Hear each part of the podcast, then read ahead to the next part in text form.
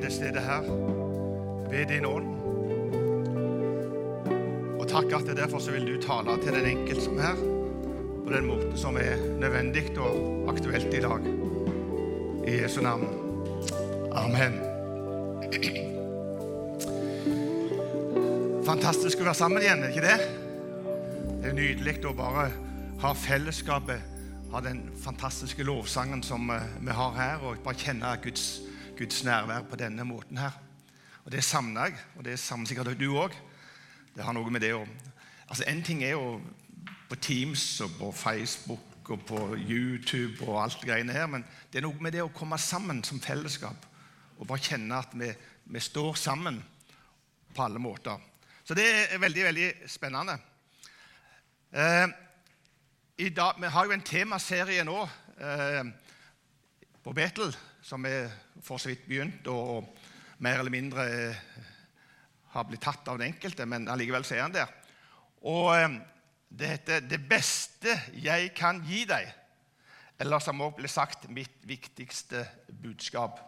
Så nå kan du lure litt på hva, hva, hva det er for noe før jeg begynner. Nei, Det avslører litt på, kanskje på den skjermen der. Så For det første så nærmer seg jo pinse. For det andre så er kanskje den viktigste grunnen til det jeg nevner i dag, er at det som skjedde i mitt liv da jeg var 16-17 år. Som kanskje også er, som jeg tror faktisk er grunnlaget for den tjenesten jeg har hatt, og for at jeg har blitt bevart som kristen. Jeg ble åndsdøpt, talt i tunger, første påskedag 29. mars 1970. Oi sann! 51 år siden. Oi, oi, oi.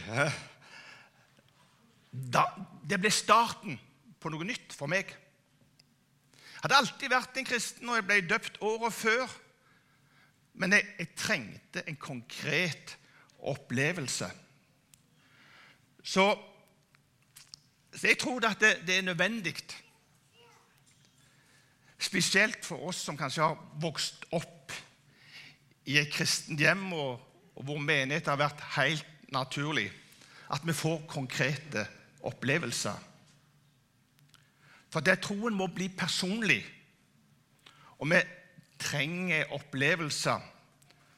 Ellers kan det lett bare bli at vi blir en del av et miljø. Så for meg så var åndsdåpen utrolig viktig. Jeg trengte kraften, men også opplevelsen og bekreftelsen på en måte som lå der. Selvsagt skulle jeg talt om frelsen. Det er det aller viktigste. Men vi vet jo det at Den, den hellige ånd er jo aktivt i frelsen.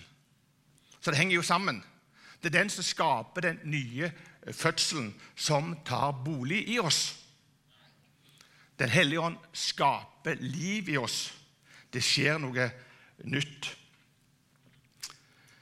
Jeg vet ikke hvor mye du liker regn. Det er kanskje litt for mye av det her rundt.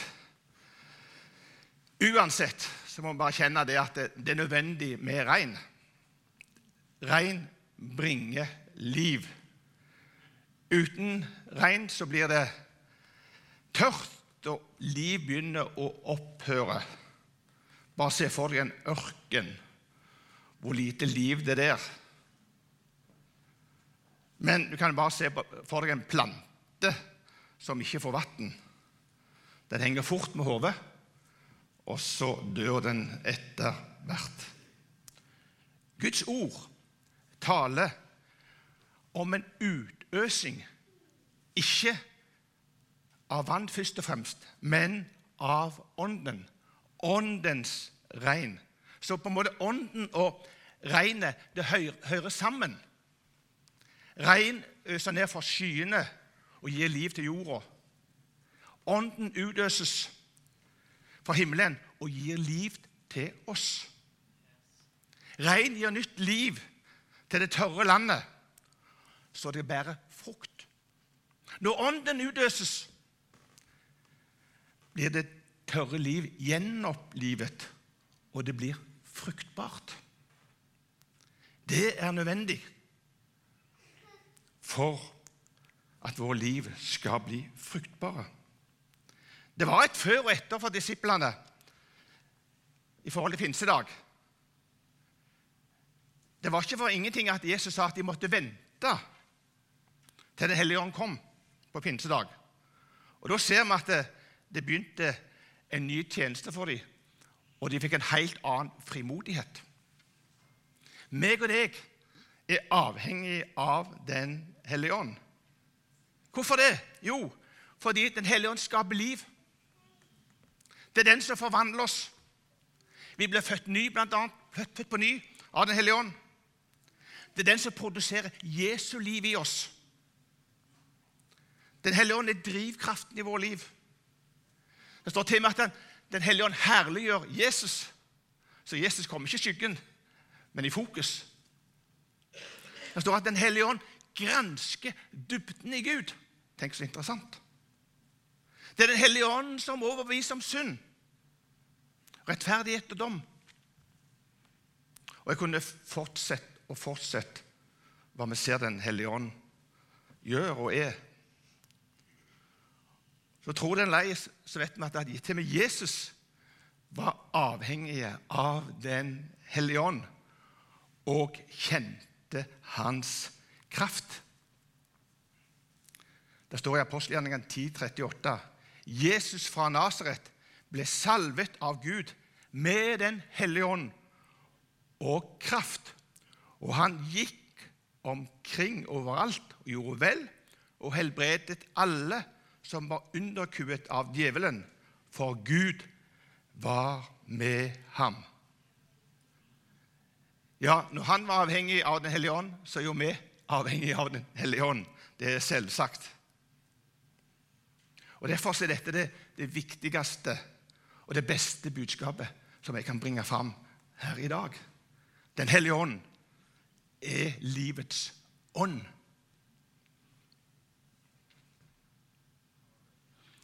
Peter han sto fram på pinsedag så sa han i apostelgjerningene 2,17.: I de siste dager skal det skje, sier Gud, at jeg øser ut min ånd over alle mennesker. Deres sønner og døtre skal profetere. De unge skal ha syn, og de gamle skal, ha, skal drømme drømmer. Ja, ja, så kan vi se om unge eller gamle. Jeg tror at alle, alle drømmer. Eh, og det gjør du òg. Så, så iallfall ifølge det ordet så drømmer iallfall vi som er gamle, da, for vi vil kalle oss det. Noen husker drømmene når de våkner. Jeg gjør ofte det, faktisk. Jeg vet ikke om du gjør det. Men det er en blanding av mye rart. Det må jeg bare innrømme. Jeg, jeg, drømte, jeg vet jeg drømte i dag tidlig, spesielt på morgenen. I går så drømte jeg om dette møtet her, faktisk. Og, men, men, det var litt sånn forvirrende, for dette, jeg måtte kjøre til gudstjenesten. Det synes jeg er litt for, for kort til å kjøre til gudstjenesten. Og så fikk jeg ikke helt til å forstå, for det var snakk om barnebarna. De ville gå på møte, så det var greit. Men jeg fikk ikke med meg kona. Jeg fikk ikke med meg kona på møtet. Så enten jeg skulle tale eller ikke ville høre meg, eller hva det var for noe. Men i alle fall så var, så var det, det var situasjonen nå. Men jeg blandet litt Fredrik og Philip og andre som var i huset. De Kom nå og gå på møte. Og de var med meg, men det er dårligere med kona. Jeg tror at Gud eh, taler til oss gjennom drømmer. Eh, og Gud har gitt viktige budskap til mennesker eh, i drømmer. Det ser vi på i Bibelen flere plasser. og har tatt flere eksempler på det. Men eh, jeg skal ta dere med til en fortelling om profeten Esekiel, som hadde en, en merkelig drøm. Som også på en måte er et profetisk uh, budskap. Og Vi skal ta tid til å lese de versene der, så plukker jeg ut noe av dette. for Det er ikke tid til å ta, ta alle ting og hele fordypelsen i det. da. Men, men eh, der står det i vers 1 Han førte meg tilbake til tempelinngangen, og se vann strømmet ut under terskelen på østsiden av tempelet. For tempelfasaden vender mot øst. Vannet rant ned på høyre side av tempelet sør for alteret. Han førte meg ut gjennom nordporten, og der ute fulgte han meg rundt til den ytre porten som vender mot øst, og se vannet sildret fram fra høyre side. Mannen gikk østover med målesnoren i hånden. Han målte opp 1000 alen. Det er ca. 500 meter. Så lot han meg gå gjennom vannet. Det nådde meg til anklene. Han målte opp tusen til og lot meg gå gjennom vannet. Det nådde meg til knærne. Så målte han opp ytterligere tusen og lot meg gå gjennom vannet. Det nådde meg til hoftene. Igjen målte han opp tusen alen. Nå var det en elv som ikke kunne vade over, for vannet hadde steget til en elv der man måtte svømme.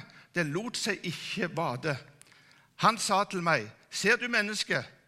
Så førte han meg tilbake til elvebredden. Og se, da jeg kom tilbake, var det en mengde trær langs elven på begge sider. Han sa til meg, 'Dette vannet renner til områder i øst og ned på Arabasletten.' Nå renner det ut i sjøen. Når det renner ut i sjøen, blir vannet friskt. Alle levende vesener som kryr overalt, hvor der elven renner, skal få leve. Det skal bli en mengde av fisk. For dette vannet kommer. For, der, for hvor dette vannet kommer, blir alt friskt og levende. Alt som er der elven renner. Det skal stå fiskere fra Edgedi til Egalim. Der skal det være tørkeplass for garn. Det skal være fisk av samme slag som i storhavet i store mengder. Men sumpene myrene skal ikke bli friske. Av dem skal det utvinnes salt. På hver side av elven skal det vokse alle slags trær til å spise av. Løvet på dem skal ikke visne, og frukten skal ikke ta slutt. Hver måned skal de bære ny frukt, for vannet de får, kommer fra helligdommen.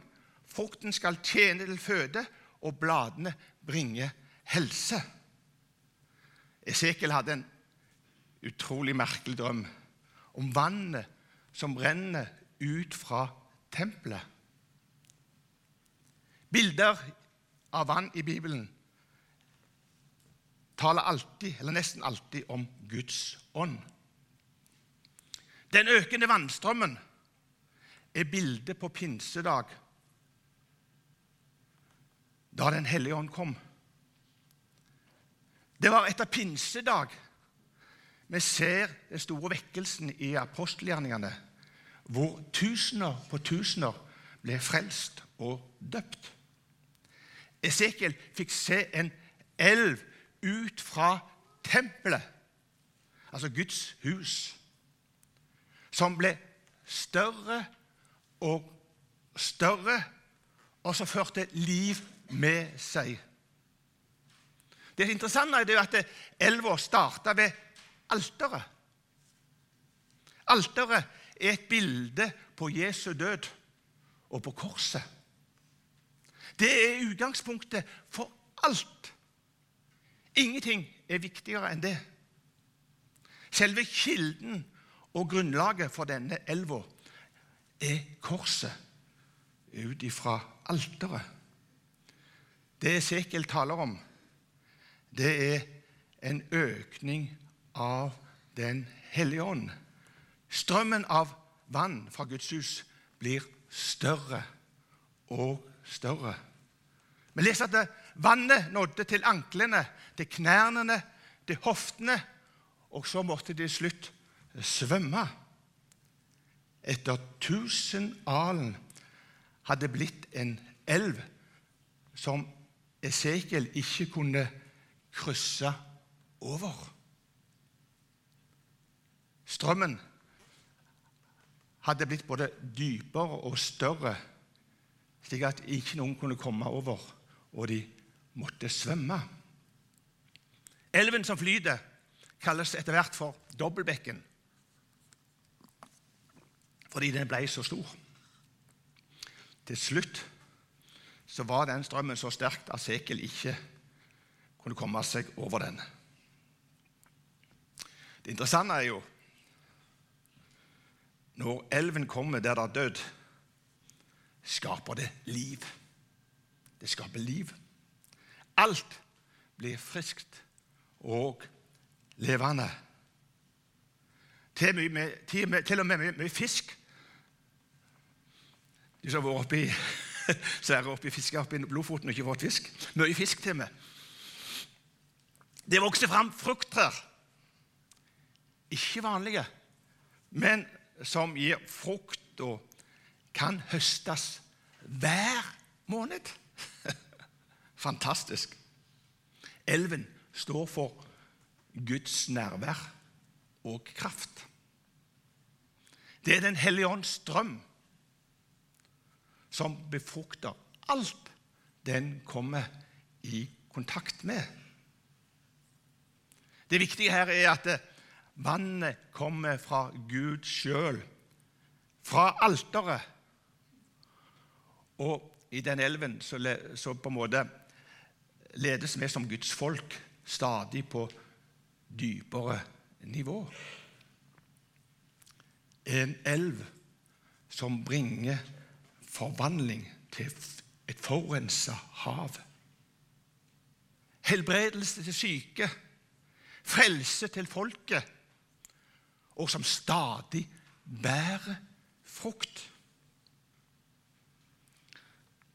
Livets elv bringer døden, det døde, tilbake til liv. Og Det står Johannes 7, 37-38. På den siste dag i høytiden, den store festdagen, sto Jesus fram og ropte:" Den som tørster, skal komme til meg og drikke. Den som tror på meg, for hans indre skal det som Skriften sier, renne elver av levende vann.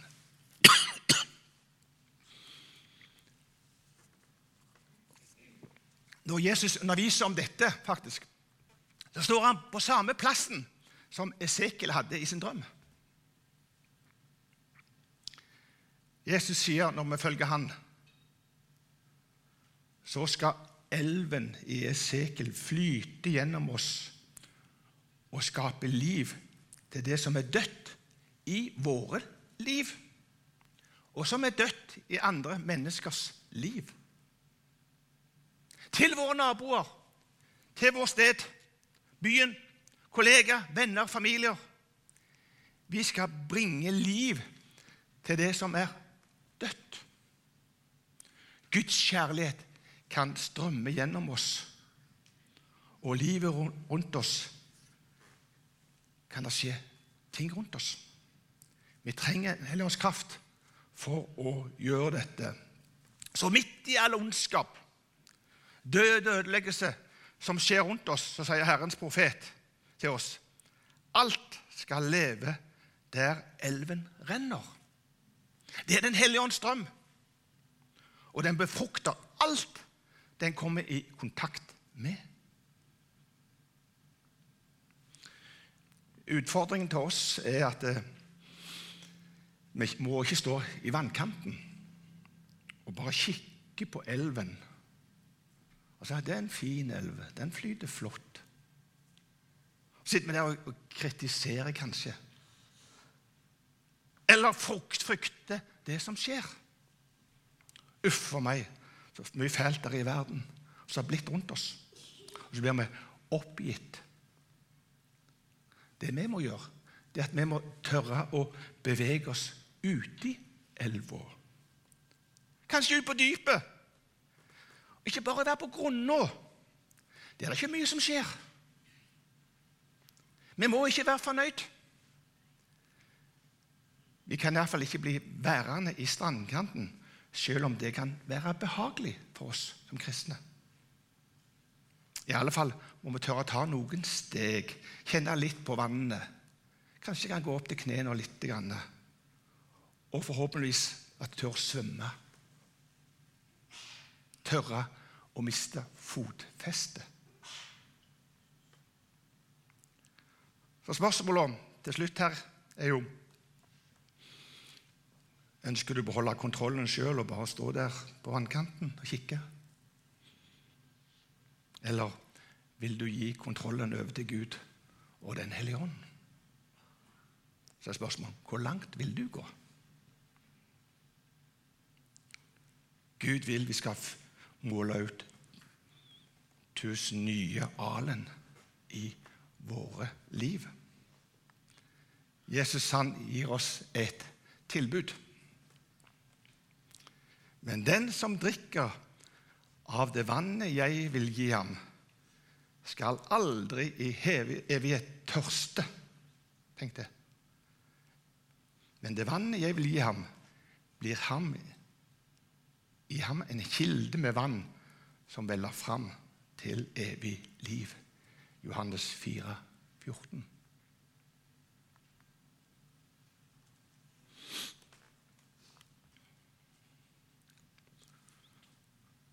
Kanskje at eh, Den hellige ånd taler til deg nå i dag. Det kan være ulike ting. Det kan være at du skal tørre å slippe deg litt løst. Ikke bare stå på vannkanten, men du skal bevege deg litt. Tørre å bevege din Hellige Ånd. Tørre å ta imot av det han har å gi av, av kraft, av gaver osv. osv. Eller at du bare skal ta det første steget. I dag så vil jeg ta imot Jesus Kristus, slik at Den hellige ånd kan få flytte inn i mitt liv. Og du får den fødselen, den opplevelsen. Vi skal nå be sammen til slutt. Og skal jeg gjøre det sånn enkelt at eh, Hvis du kjenner at eh, Hellige Ånd taler til deg, at enten du ønsker å bli frelst eller du ønsker å få mer av Den hellige ånd, ta noen nye steg, bevege deg ut fra strandkanten, så holder du hånd på brystet. Så vet Den hellige ånd hva det gjelder. Så det blir en, en sak mellom deg og Han. Himmelske Far, du ser de som er til stede her i,